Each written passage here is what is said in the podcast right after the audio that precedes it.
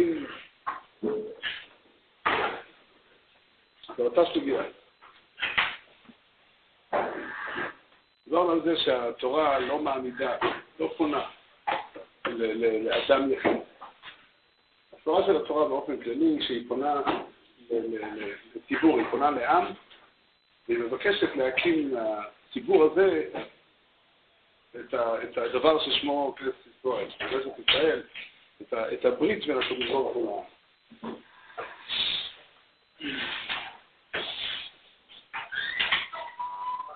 הדבר הזה יוצר אה, אה, תפיסות, כמה וכמה תפיסות שהן אחרות לגמרי, הן נותנות מבט אחר על עניון לעבוד את השם בכלל.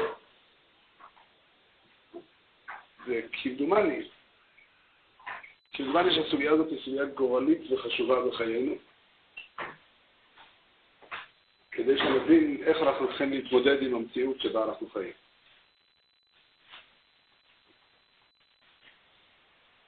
אבל אני רוצה להוסיף עוד קצת למה שנגענו בו בשבוע שעבר. למה? למה זה כך? למה זה ככה? למה לא לדבר על, על זה שהקדוש ברוך הוא קרא את האדם, וכל אדם, האדם הוא מציאות בפני עצמה, ויש לו, לו שלמות שהוא צריך להגיע אליה, וכולי. אז בפרשת וירא, ככה לעוד בפרשת וירא, שהקדוש ברוך הוא אומר, כי לעתיד למען אשר יצווה את פניו ואת ביתו אחריו, ושמעו דרך השם לעשות צדקה ומשפט. כתוב פה בפסוק הזה אה, דברים גדולים מאוד, מאוד מאוד גדולים. כתוב בתורה ככה, כי דעתי, פירושו, אני בחרתי באברהם אבינו, רש"י אומר לדעתי בלשון חיבה. בחרתי באברהם אבינו כדי, למען, אשר יצווה את בניו ואת ביתו אחריו. זה לא שאברהם אבינו היה צדיק כזה גדול שהגיע לו שאני אבחר בו. לא זה מה שכתוב בתורה. בלי ספק אברהם אבינו היה צדיק גדול, אבל לא זו הסיבה שהקדוש ברוך הוא בחר בו.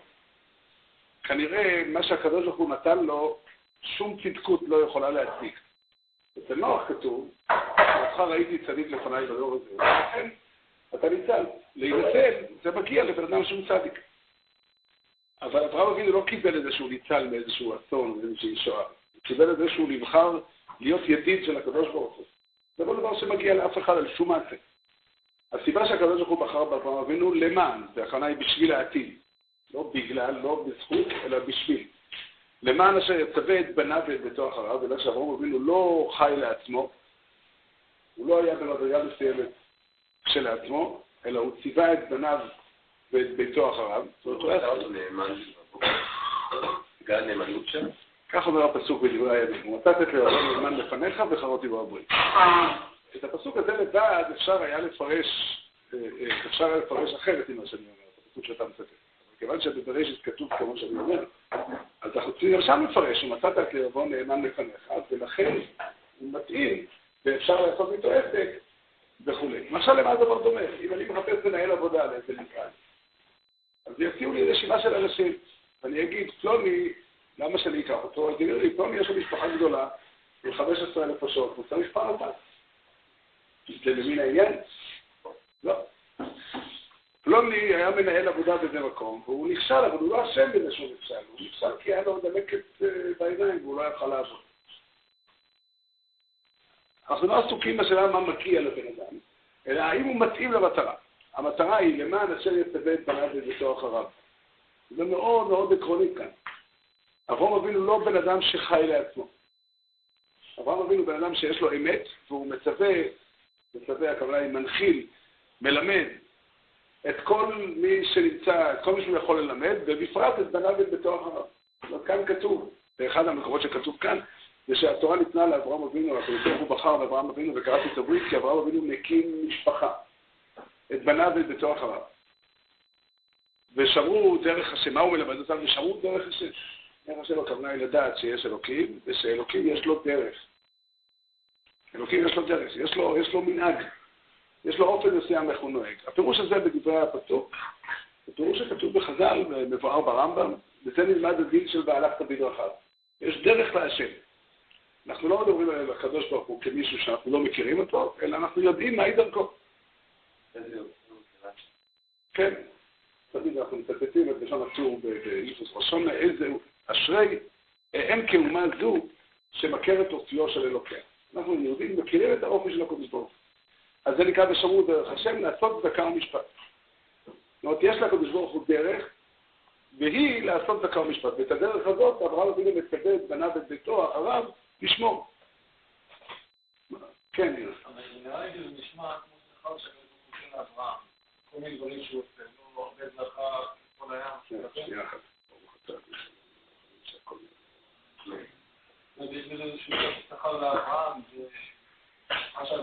ככה זה נשמע, שאברהם מקבל שכר... לא, לא, לא, זה בדיוק מה שאנחנו אומרים. כשאומרים למען, לא מדברים על שכר.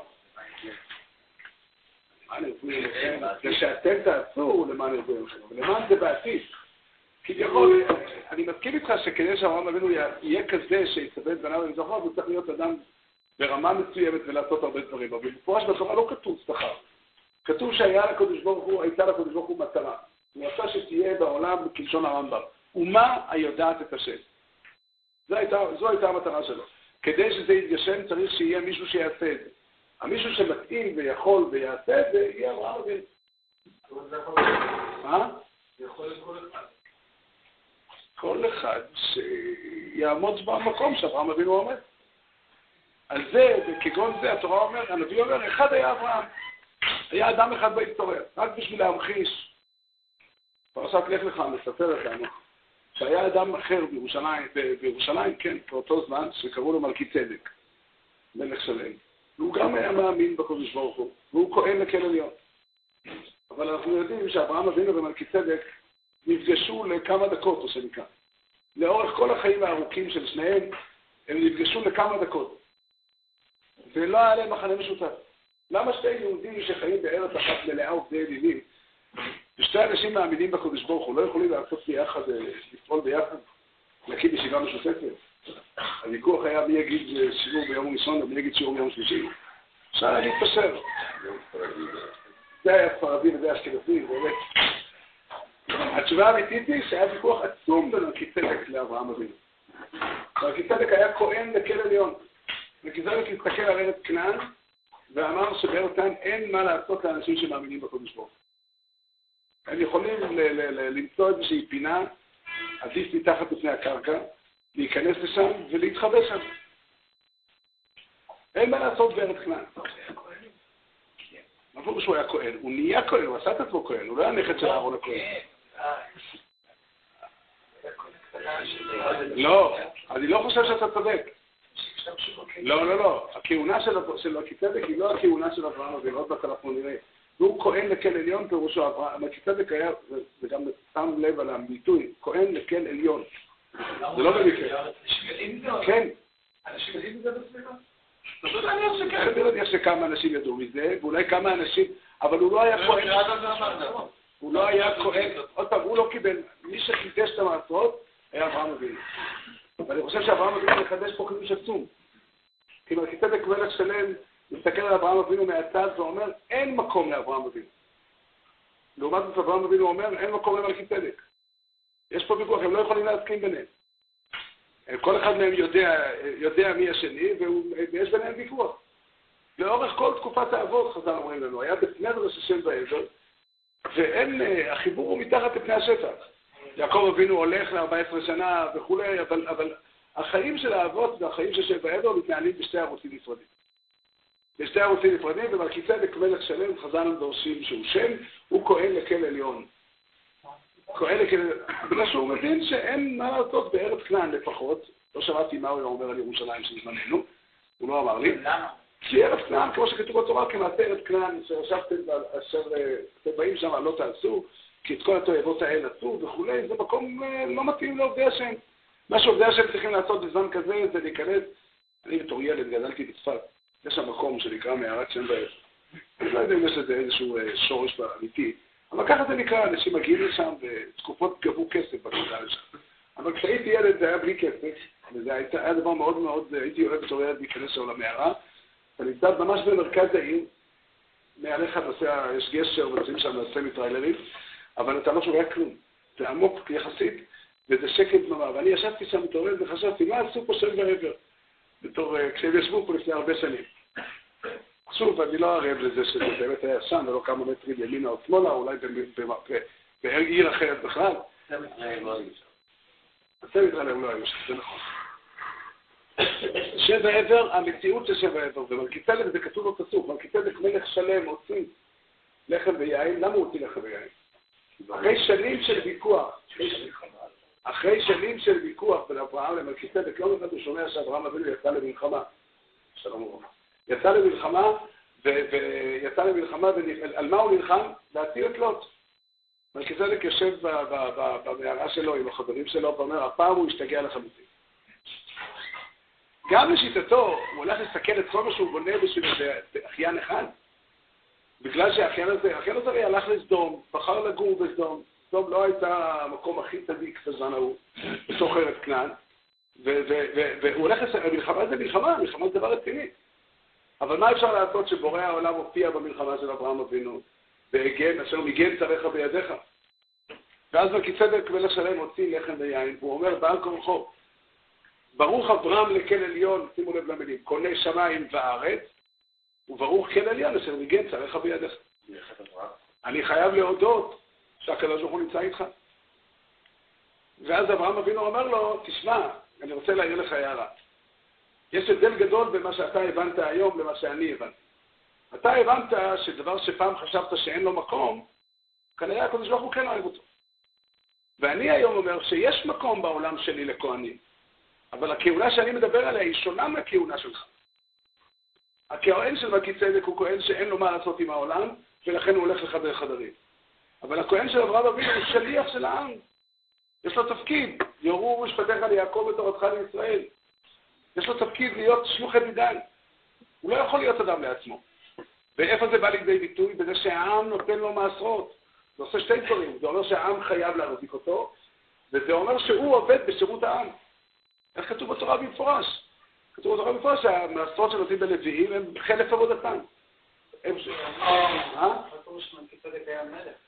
היה לו גם תפקיד אחר, שהוא היה מלך. איך מחברים מלך וכהן? היה לו כישרון, היה לו מוצלח. הכהונה שלו הייתה מודעת. היה כהן לכעליון. לא, לא, לא, הוא לא היה שליח ציבור. זה לא שאני טועה, אולי אני טועה. אני טוען שהכהונה של מלכיצדק היא לא הכהונה שעליה התורה מדברת. אבל זה די ברור. זה די ברור. אברהם אבינו כתוב בתורה במפורש, למה הקדוש ברוך הוא לא בחר במלכיצדק? כי מלכיצדק היה אבא של, וסבא של אנשים, ודורות רבים יצאו ממנו, והוא לא ציווה את בניו ואת ביתו אחריו, הוא דרך השם לעשות צדקה ומשפט. מי שמתוכם, מהבנים שלו, שרצה לבוא איתו לבית מדרש, לקח אותו לבית מדרש באהבה גדולה. מי שלא רצה, שיישאר בחוץ. אבל אברהם אבינו רץ אחרי הילדים שלו, למען אשר יצפה את בניו וביתו אחריו, הוא אומר, אני לא מוותר עליכם. ושמרו דרך השם לעשות צדקה ומשפט. יש פה, התורה מציירת פה, את הציור שנקרא כנסת ישראל. אצל אברהם אבינו זה בקטן מבחינה כמותית. אברהם אבינו הוא אדם אחד, ויש לו בן אחד, ויש לו משפחה קטנה וכולי, אבל לדורות, לדורות, זו הצורה של כנסת ישראל. זו הצורה. כן, אמת. אמת. אמת, אמת, גם סדום, גם התורה מגיעה לזה עד כדי כך, שגם כשסדום אה, הולכת לקבל עונש, אברהם אבינו לא רגוע. לא רגוע, הוא אומר, אולי יכול להיות שם משהו. אולי יש כמה צדיקים שם בסדום שיכולים להחזיר בתשובה את כולם. כך אומר אבן עזרא. אבן עזרא אומר שהטענה של אברהם זה שהצדיקים בתוך העיר יכולים להחזיר בתשובה את כולם. לכן הוא אומר שהם צריכים דווקא בתוך העיר. לא אה, באיזה שכונה צדדית. צריכים לגור בתוך העיר.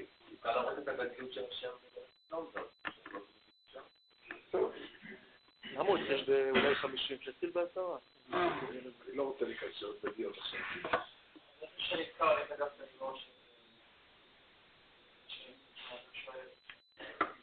נניח, זה עוד שאלות, אני רוצה להתמקד בנקודה. אני אומר עוד פעם, תקשיבו טוב לצורה שהתורה מתארת, מהי הפרי שהקדוש ברוך הוא קרא לאברהם אבינו, ואיך נראית כנסת ישראל.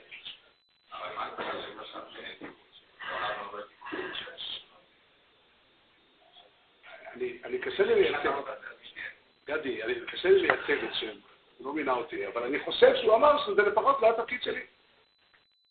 אולי הוא אמר כל יום עשר פרקי תהילים על כל, על כל, כל האנשים. אבל הוא, זה לא התפקיד שלי. אני לא יודע, זה לא, זה לא שאלה פשוטה, הוויכוח הוא ויכוח לא פשוט. אבל ההגדרה היא שוב, מה זה נקרא למען אשר יצווה את בניו ואת ביתו אחריו? אברהם אבינו ציווה ודיבר ולימד אנשים רבים מאוד. ברם כתוב שהוא דיבר עם אלפים ורבבות. אבל מה זה את בניו ביתו אחריו? הכוונה היא שאברהם אבינו מדבר על משפחה. משפחה היא הגרעין היסודי של ספר ישראל. וזה דבר שצריכים לתפוס ולהבין אותו. מה, זה, מה, מה, מה פירוש המילה משפחה? מה יש בקשר משפחתי שאין בשום מקום אחר? אנחנו יכולים, בני אדם מקימים משפחות חדשות. זה המבנה של העולם, אדם גדל בבית, הוא גדל, הכן יעזוב איש את אביו ואת אמו, ודבק ואשתו והיו לבשר אחד, אומר רמב"ן, לבשר אחד הכוונה למשפחה אחת. הם מקימים משפחה חדשה. אבל מה זה משפחה? משפחה זה מקום שבו לכל אחד מבני המשפחה יש מקום מוחלט. מקום שהוא לא ניתן לתכלית. מקום שהוא לא, איך אומרים, לא מבטלים עליך. זה פירוש המושג משפחה.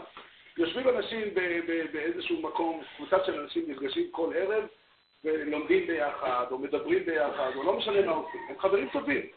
אבל אם יקום אחד ויגיד, אני רוצה לעבור דירה לארץ אחרת, מה הם יגידו לו? איש חבל, אנחנו אוהבים אותך, אבל אני רוצה. אז בסדר, אני עושה לך מסיבת עבודה. משפחה פירושה, אתה לא יכול ללכת.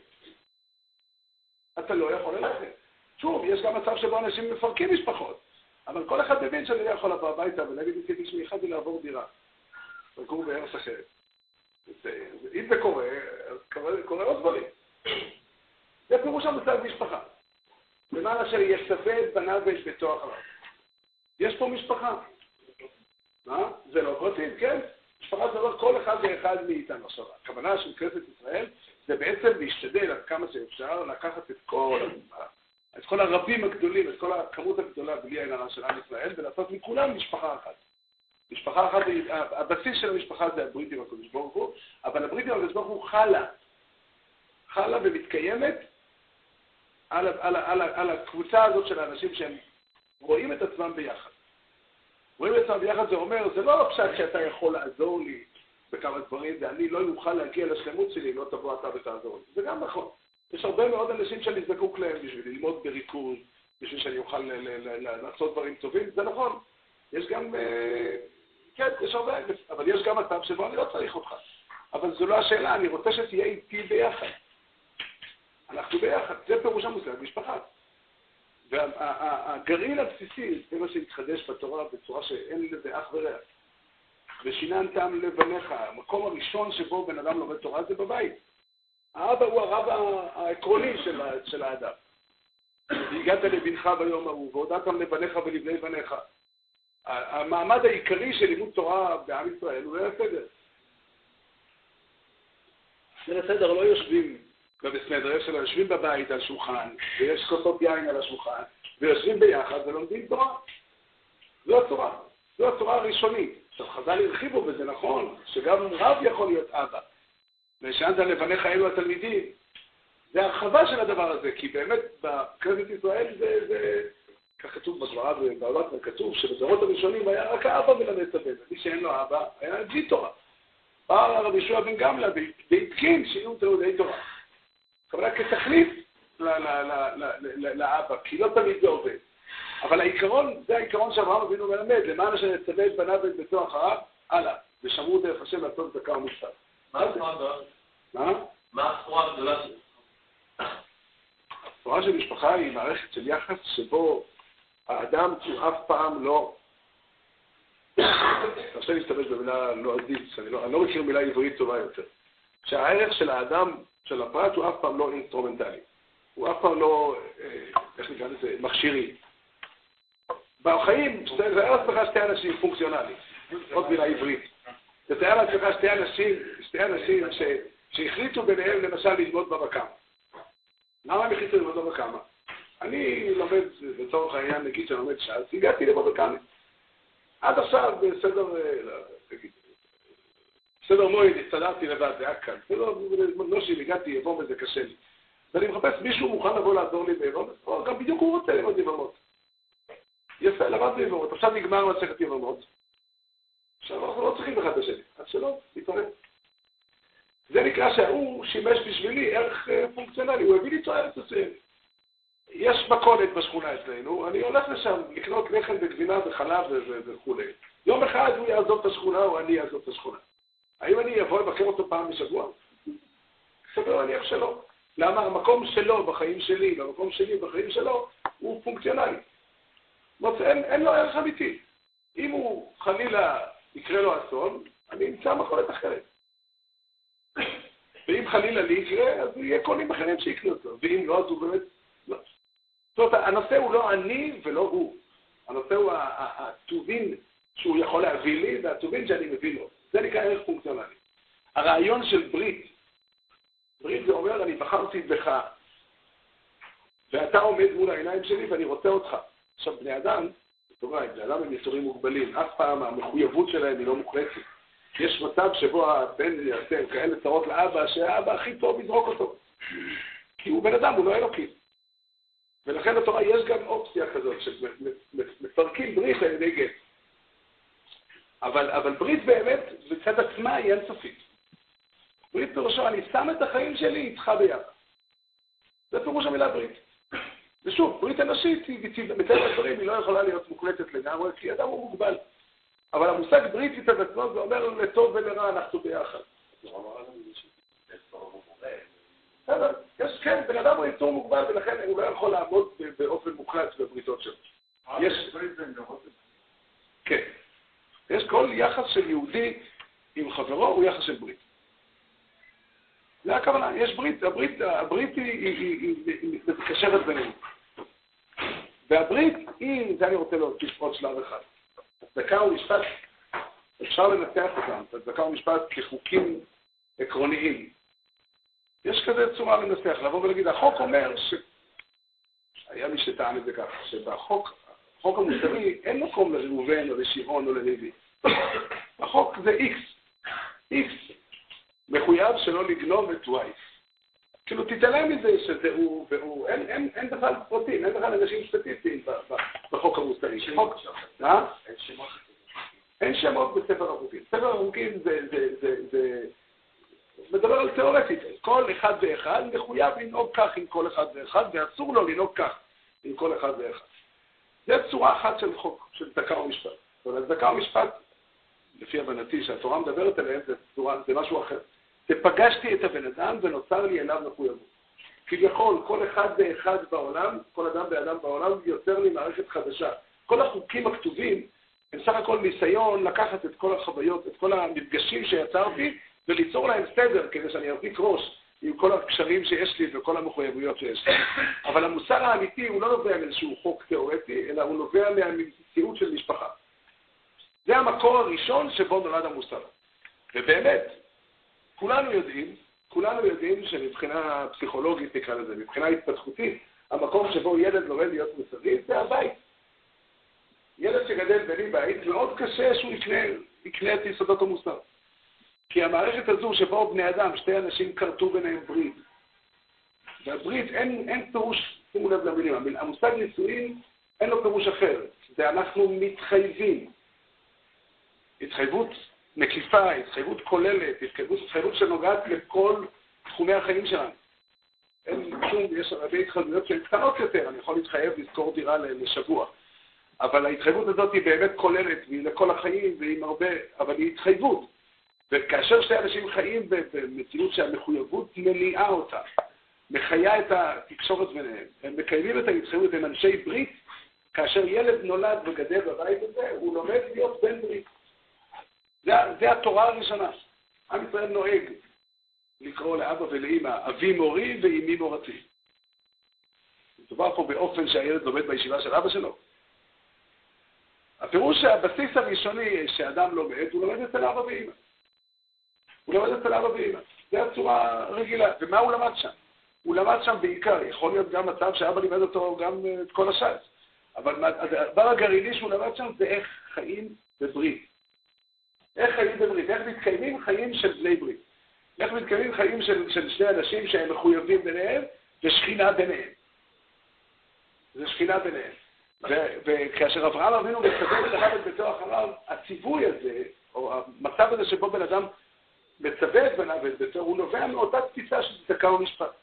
זה פירוש המילים צדקה ומשפט. צדקה ומשפט זה אומר, יש מערכת של יחס ביני לבין האדם האחר, כשאני רואה אותו, אני יוצר איתו יחס ואני מחויב אליו. ובמקום הזה חלה השכינה. במקום הזה שורה השכינה. הקדוש ברוך הוא בחר בעם ישראל פירושו, יצר מציאות של עם שמקיים ברית בעצם הקיום שלו, בעצם צורת החיים שלו. וכשהוא, עד כמה שעם ישראל מקיים את הברית במציאות, אז זה מחייב, אז הקדוש ברוך הוא מגיע לשם להיות איתם יד. זו הצורה של התורה. זו הצורה של התורה. כולם יודעים את דברי חז"ל במעמד הר סיני, והיה, אה, שם כתוב אה, שהם היו כאיש אחד בלב אחד. וכתוב באור חיים הקדוש, זה מסתבר ככה גם בדברי חז"ל, שזה לא היה במקרה שם, אלא זו הייתה הצורה שעם ישראל קורא ברית עם השם. אם אנחנו לא כאיש אחד בלב אחד, אז חסר משהו בברית. זה נכון שמאז ועד היום לא היו הרבה רגעים שעם ישראל היה כאיש אחד בלב אחד. אבל הגרעין של הברית ניתן ברגעים כאלה. ברגעים כאלה, וזה המקום שלשם אנחנו שייכים באמת. אנחנו שואפים לחזור למקום הזה. כל אחד ואחד מאיתנו רוצה לחזור למקום שבו כנסת ישראל היא אחת וכולנו נמצאים בתוכה.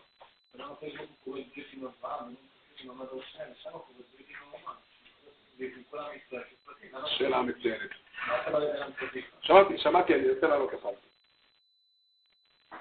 באופן פשוט, באופן פשוט, התשובה הפשוטה היא שהיה צריך להיות אדם אחד שיצווה את בניו ואת ביתו, זאת אומרת, העם כולו, לעולם עם לא מכיר את השם. העם הכיר את השם כי היה לו אבא שהכיר את השם. זאת אומרת, אברהם אבינו היה צריך להיות שהוא יוכל לספר לבן שלו על הברית, והבן שלו סיפר לבן שלו על הברית, וככה נוצר עם שמודע לברית, שיש לו זיכרון של ברית. עם ישראל זה פרשת השבוע ממש. מה הסיפור הגדול של קבורת שרה במערת המכפלה? כמובן צריך לקבור את שרה, אין ספק. איפה קברו את ישעיהו הנביא? לא יודע. מה? ועד הרבנים ליאלץ בכאן. איפה קוברים את, אה, את אברהם, יצחק ויעקב, יש לו שירות עצומה לקבורה שלהם, של האבות והאימהות. לא בגלל, אה, זה לא רק סתם קברי צדיקים, אלא הכוונה היא האחיזה של עם, שלהם בארץ, היא על ידי שהם קבורים שם. זאת אומרת, כשעם ישראל חוזר ביציאת מצרים, בא לארץ, לאן הוא מגיע? לארץ שבו קבורים, שבה קבורים האבות. זאת אומרת, זה לא ארץ חדשה שהקדוש ברוך הוא נתן להם. היה יכול להיות שעם ישראל יצאו ממצרים, והקדוש ברוך הוא ייקח אותם לאיזה ארץ. ארץ טובה ורחבה, ארץ טובת חלב ודבש וכולי, אבל זה לא ככה היה. אלא הם חזרו לארץ של האבות. ועד היום הזה אנחנו נמצאים בארץ הזאת כהמשך של האבות. אברהם אבינו היה דוגמה יחידה בהיסטוריה של אדם שקיים במציאות שלו את דרך השם לעשות צדקה ומשפט באופן שלם, ולשם אנחנו שייכים. אנחנו מצטרפים לזה כי אנחנו, יש בנו גם ממידותיו של אברהם אבינו, אנחנו גם מתלמידיו של אברהם אבינו. אבל, אבל היחידי שעשה את זה באופן שלם היה אברהם אבינו. על זה נאמר, אחד היה אברהם. כל מה שיש בעולם, כל מה שיש לנו, שזה המון, הכל נובע מאיש אחד. היה אדם אחד שזכה להכיר את האמת כל כך טוב ולחיות אותה כל כך יפה, שאנחנו, הוא, הוא נושא על כתפיו את כולנו. לא רק אותנו, גם את יצחק ויעקב ומשה ואהרון, את כל הצדיקים הגדולים של ההיסטוריה, כולם, היה להם את מה שהיה להם, בלי ספק הרבה מאוד. אבל בעיקר הם היו מתלמידיו של אברהם אבינו. הם לא היו מקור בפני עצמו.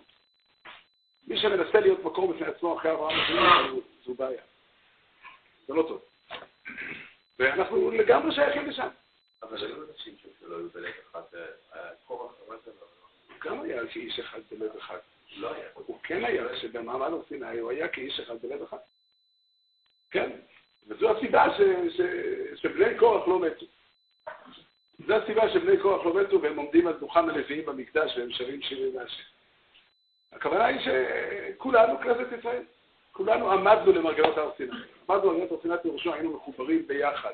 והברית הזו היא, אתה יודע, חז"ל אומרים, היה לי גיס, שנהרג בפיגוע בקר שתיים.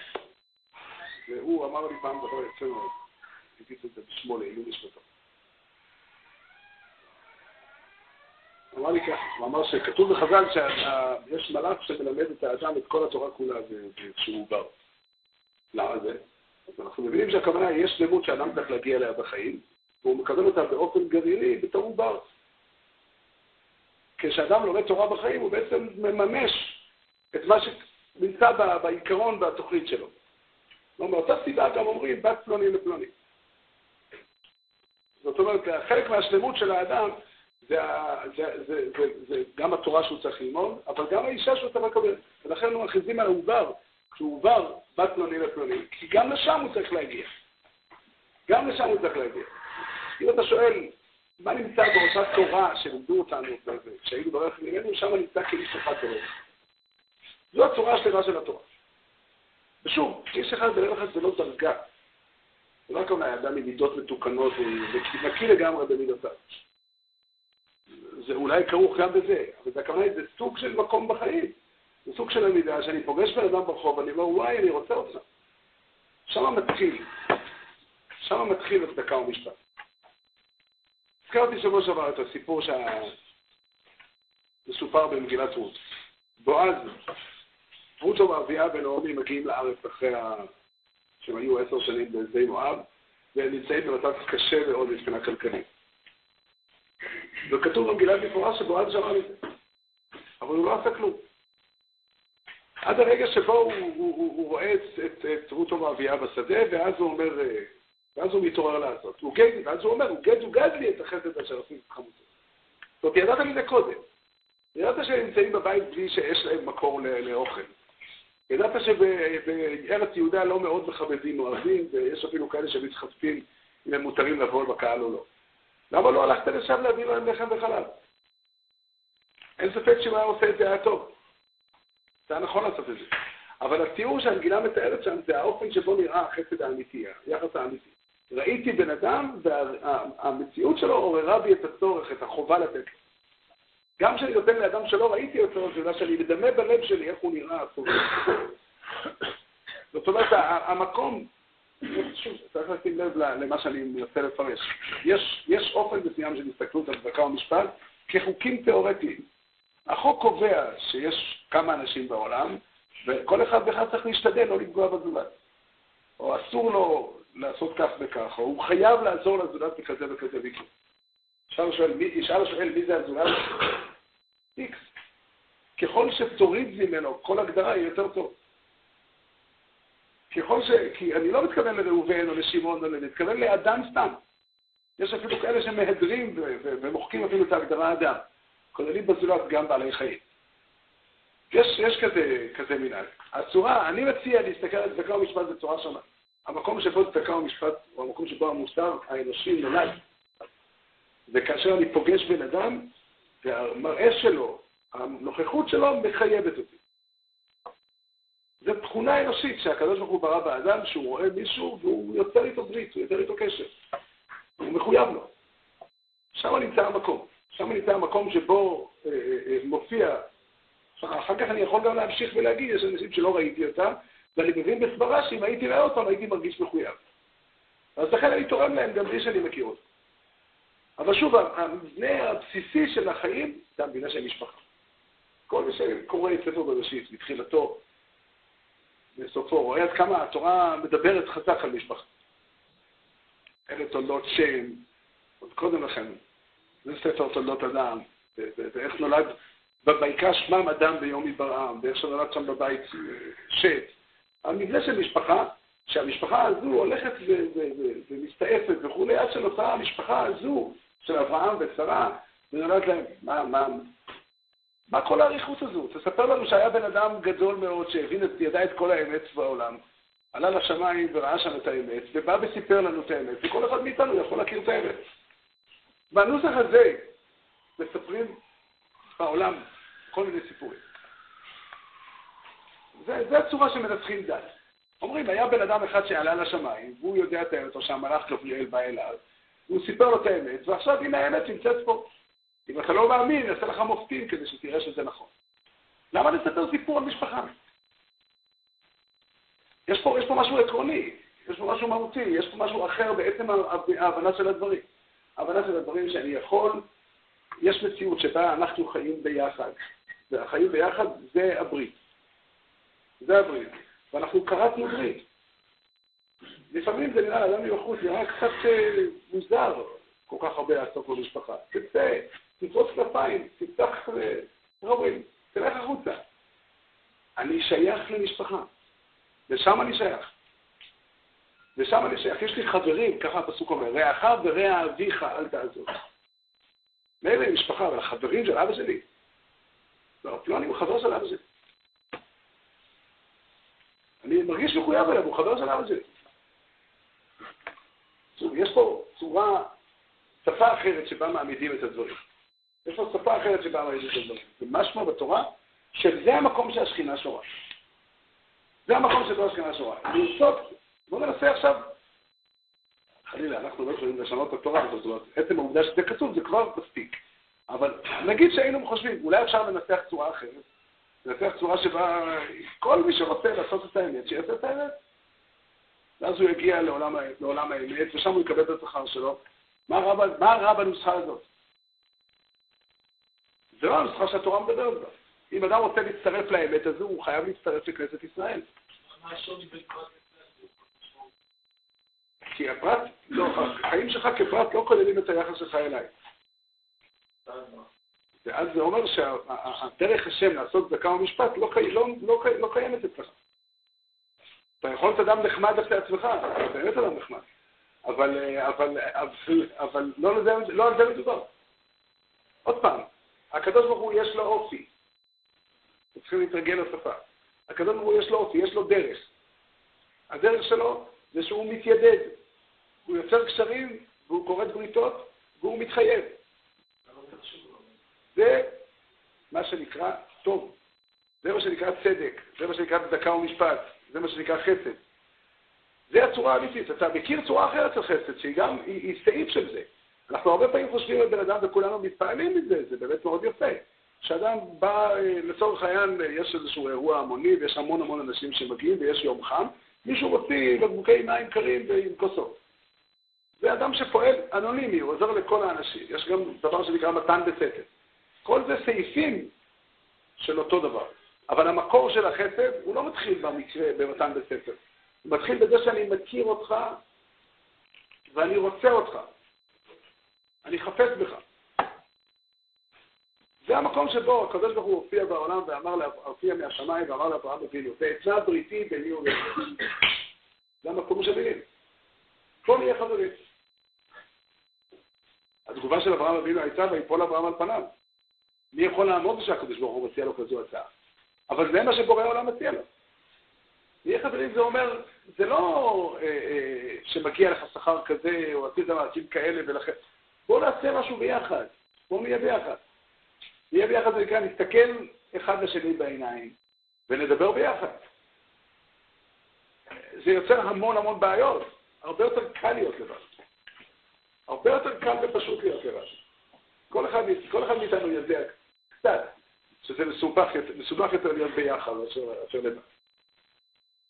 אבל, אבל, אבל הוא אומר, להיות ביחד פירושו, אתה עם הג'וקים שלך, ובאמת, זה אחד הדברים המפתיעים, שכל האנשים חוץ ממני, כולם מוזרים. אני עושה הכל פשוט, איך שצריך לעשות, וכל האנשים האחרים, כל אחד יש לו רעיון אחר. מילא לכולם היה אה, אה, מהלך אחד מוזר, הייתי מתרגל אליו. אבל לכל אחד יש ג'וק אחר. והשאלה היא, אני אומר, תעזבו אותי לנפשי. אה, אתם צריכים עזרה, אני מוכן לעזור לכם. לא, לא זה מה שמצפים ממך. לא זה מה שמצפים ממך.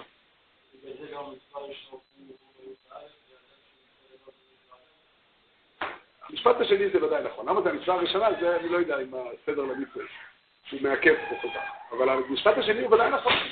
לכן המקום הראשון, זאת אומרת, התנאי כמעט, ככה מספרים איש אמר, זה שהיה יהודי שהתפלל טוב למניין, ולא הייתה לו טלית. אז החזון איש אמר לו פעם ופעמיים, והוא קנה טלית. כשהוא בא עם טלית בפעם הראשונה, איש אמר לו, ככה נראה יהודי. אז הוא אמר לו, לכל הרווקים אין טלית. אז הוא אמר, לרווק סתם אין צורה של יהודי. ככה אומרים. זה מום עובר אבל להיות רווק. זה לא...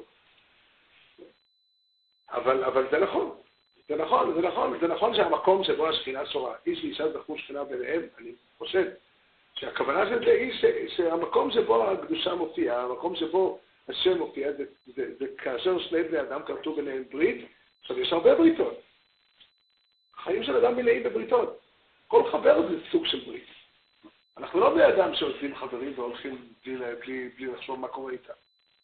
אבל ברית מלאה זה ברית של נישואים. זה ברית של נישואים, כי הברית אחרת היא במשהו מסוים, פעם בשבוע, בין uh, מערים של מוצאי שבת להבדלה, אנחנו הולכים ביחד הביתה ומפצפים, זה הברית שלנו. בסדר, זה יפה, העשר דקות האלה אנחנו נותנים אותם מוצלח מאוד. אבל ברית אמיתית, זה הכוונה, קרסנו ברית ביחד, לנהל את החיים ביחד, להקים ביחד משפחה. והברית הזו, אם, אם שני אנשים כורתים ברית כזו, אז תשמע, זה לא פשוט. הקדוש ברוך הוא מגיע להיות שם. איש ואישה זכו שכינה ביניהם. אבל שוב, האיש ואישה זכו שכינה ביניהם, ולכן הילד שנולד בבית הזה הוא ילד שהוא בן ברית. הוא בן ברית. שם הוא לומד תורה. בא רבי יהושע בן גמלא ואומר, מה נעשה אם יש ילדים כאלה שאבא שלהם לא לימד אותם תורה? האם נגיד שאין להם סיכוי? אחרי הכל, גם עם ישראל כולו עם משפחה אחת, ונקים לו חיידר. נעשה חיידר, נעשה תלמוד תורה, ואיך אומר הרמב"ם, לוקחים אותו אצל מלמד התינוקות. יש גם אופציה כזאת. אבל הצורה המקורית של תורה היא שאדם לומד אותה בביתיו. אני לא מתכוון פה אה, לומר, אה, לחפש הזדמנויות לא לשלוח לתלמוד תורה וללמד את הילד לבד. אני מתכוון להבין את שורש הדברים. שורש הדברים הוא שישנה חוויה מסוימת, ישנה צורת קיום מסוימת שבו אדם חי בתוך משפחה. וזו צורת קיום שאין לה תכלית. שום חיים אחרים לא, לא, לא, לא, לא מצאנו עדיין שממלאים את, ה, את הפונקציה הזאת. בשום מקום אתה לא בן משפחה. אפשר להיות קרובים מאוד למשפחה בכל מיני חבורות. אבל משפחה זה אומר דבר אחד מאוד יסודי, אתה חשוב לנו ויקר לנו. אנחנו לא מוכנים לוותר עליך. אף פעם לא נגיד, אף פעם לא נגיד ש... ש... מורי ורבי, זיכרונו לברכה, בן, בת, נהרגה בת בפיגוע. הוא סיפר לי פעם שמישהו שאל אותו, זה גם כנראה פיקח גדול. אותו אדם שאל אותו כמה ילדים יש לך, אז הוא אמר לי, היה לי 18 והיום יש לי 17. הוא אמר, למה אתה אומר היה לי? תגיד, יש לי 17. והוא אמר לו, אין דבר כזה למחוק ילד. אי אפשר למחוק ילד. הוא אמר שבתורה כתוב, בכל מקום שמדובר על יהודה, אז כתוב וימת ועונן וכולי, וימת ער ועונן בארץ כתוב. די, הם מתו כבר, תוריד אותם. כלומר, אין דבר כזה למחוק ילד. תמיד ליהודה היה כך וכך בנים, ושתיים מתו. זה הצורה. זה פירוש המושג משפחה. זה פירוש המושג משפחה. משפחה זה לא שאף פעם אתה לא יכול לוותר על מישהו. עכשיו, אני לא חושב שאפשר להגיד, אה, ליצור מקבוצה אחרת משפחה זה תכלית לא נכון. אבל, אה, אבל במידה, במובן מסוים, עם ישראל הוא משפחה גדולה. זה המשמעות. המשמעות היא שהמקום של, של, של הזולת במקום הזה, זה לא כדי להגשים את החוקים שיש לי, שהם מחייבים אותי לעשות חסד וכולי. הזכרנו כאן שבוע שעבר את דברי הרמב"ם על פורש מדרכי ציבור. הוא אומר, מה לי בסרטן? אני, יש לי מצוות שהתורה ציוותה אותי, ואני רץ מבית לבית לעשות חסד. אבל שאני אהיה מוטרד מהשאלה מה קורה עם היהודים, מה לי בסרטן? אומר הרמב"ם, אין לו חלק לרמב"ם. אף פי שלא עשה עבירות ולא נמנע מלקיים מצוות. תאורטית, אני מניח שזה קשה מאוד לקיים את כל התורה והמצוות ככה. אבל אפילו, הרמב"ם מתכוון לבתי עיקרון, אפילו אם נגיד שכל המצוות מתקיימות וכל התורה, אין שום בעיה. חסר פה משהו עקרוני, שהברית לא נכרתה עם היחידים. וכשאתה נמצא לבדך, אז אין לך את דרך השם לעשות צדקה ומשפט באופן מלא. אפילו שאתה מלא חסד. אפילו שאתה מלא חסד. כי החסד האמיתי הוא לא אה, להביא לשני כוס מים. זה חשוב שהוא צריך את זה. לא לשפוך עליו. אבל המושג האמיתי של צדקה ומשפט זה להכיר בני אדם ולפגוש אותם וליצור איתם קשר. ואיפה שזה קורה, שם אני אצא בשכינה. המציאות הזו, הקולקטיב הזה ששמו כנסת ישראל, זה המקום שבו הקדוש ברוך הוא בחר לשרות, וזה המקום שנמצאת השראת השכינה. כל, משהו, כל מיני דברים אחרים יכולים להיות טובים בשביל בני נוח. בני נוח לא מחויב לזה, הוא יכול לקיים את השם במצוות שלו, אולי להוסיף כמה מצוות כמו שכתוב ברמב"ם, ולזכות להרבה דברים יפים וטובים. התורה, בתור תורה, מדברת לכנסת ישראל. שנזכה, בעזרת השם, שנזכה תמיד להיות מחוברים לכנסת ישראל, ושם השכינה שורה, אולי, תרשו לי, אתה יכול להגיד לי סידור הזה ספרד? לא ספרדי. אפילו נוהגים להגיד בקבלת שבת. אני נראה את עצמי ללכת בליל שבת לתפילה תרבית לחסידים, בשביל להגיד איתם כגמרי. זה סתם הזדמנות. אבל כך כתוב פה, כך כתוב פה, רזה בשבת. מה זה שבת? אי שבת בהתאחדת ברזה באחד, למי שהיה רזה באחד. כדי שהסוד של השם אחד יחול על כנסת ישראל, היא צריכה להיות אחד. וכך כתוב בו, קודשי בריך הוא אחד לעילה, לא יציב על כורסי יד עיקרי, הוא לא יושב על כיסא כבודו, עד דאי, הכוונה כנסת ישראל, נעשית בסוד האחד. כגב לדילק. כמו שהקדוש ברוך הוא אחד, גם כנסת ישראל צריכה להיות אחד, כדי שיהיה ביניהם חיבור. לנאה באחד באחד. והאוקימנה, בזה לימדנו את הסוד. האוקימנה רזה דהשם אחד ושמו אחד. שמו זה מלכות, זה כנסת ישראל, היא השם של הקדוש ברוך הוא, והחיבור בין הקדוש ברוך הוא לכנסת ישראל יכול להתקיים רק כשכנסת ישראל היא אחד. ככה מתואר פה, זה, זה הסוד של השבת. זו דרגה שעם ישראל מגיע אליה בשבת. ופה כתוב פה שכולם מגיעים לבית הכנסת, כולו מתעצבים ונשמחים חדשים, ונשמות חדשות, ופניהם מאירים בנעיר רעילה, וכולי, מגיעים לבית הכנסת בליל שבת, ולכן לא אומרים והוא רחום בליל שבת. זה, סוד השבת. עכשיו, אה, שנוכל גם משהו לקחת לראות הכל מסוד השבת, שיהיה לנו כל Thank you.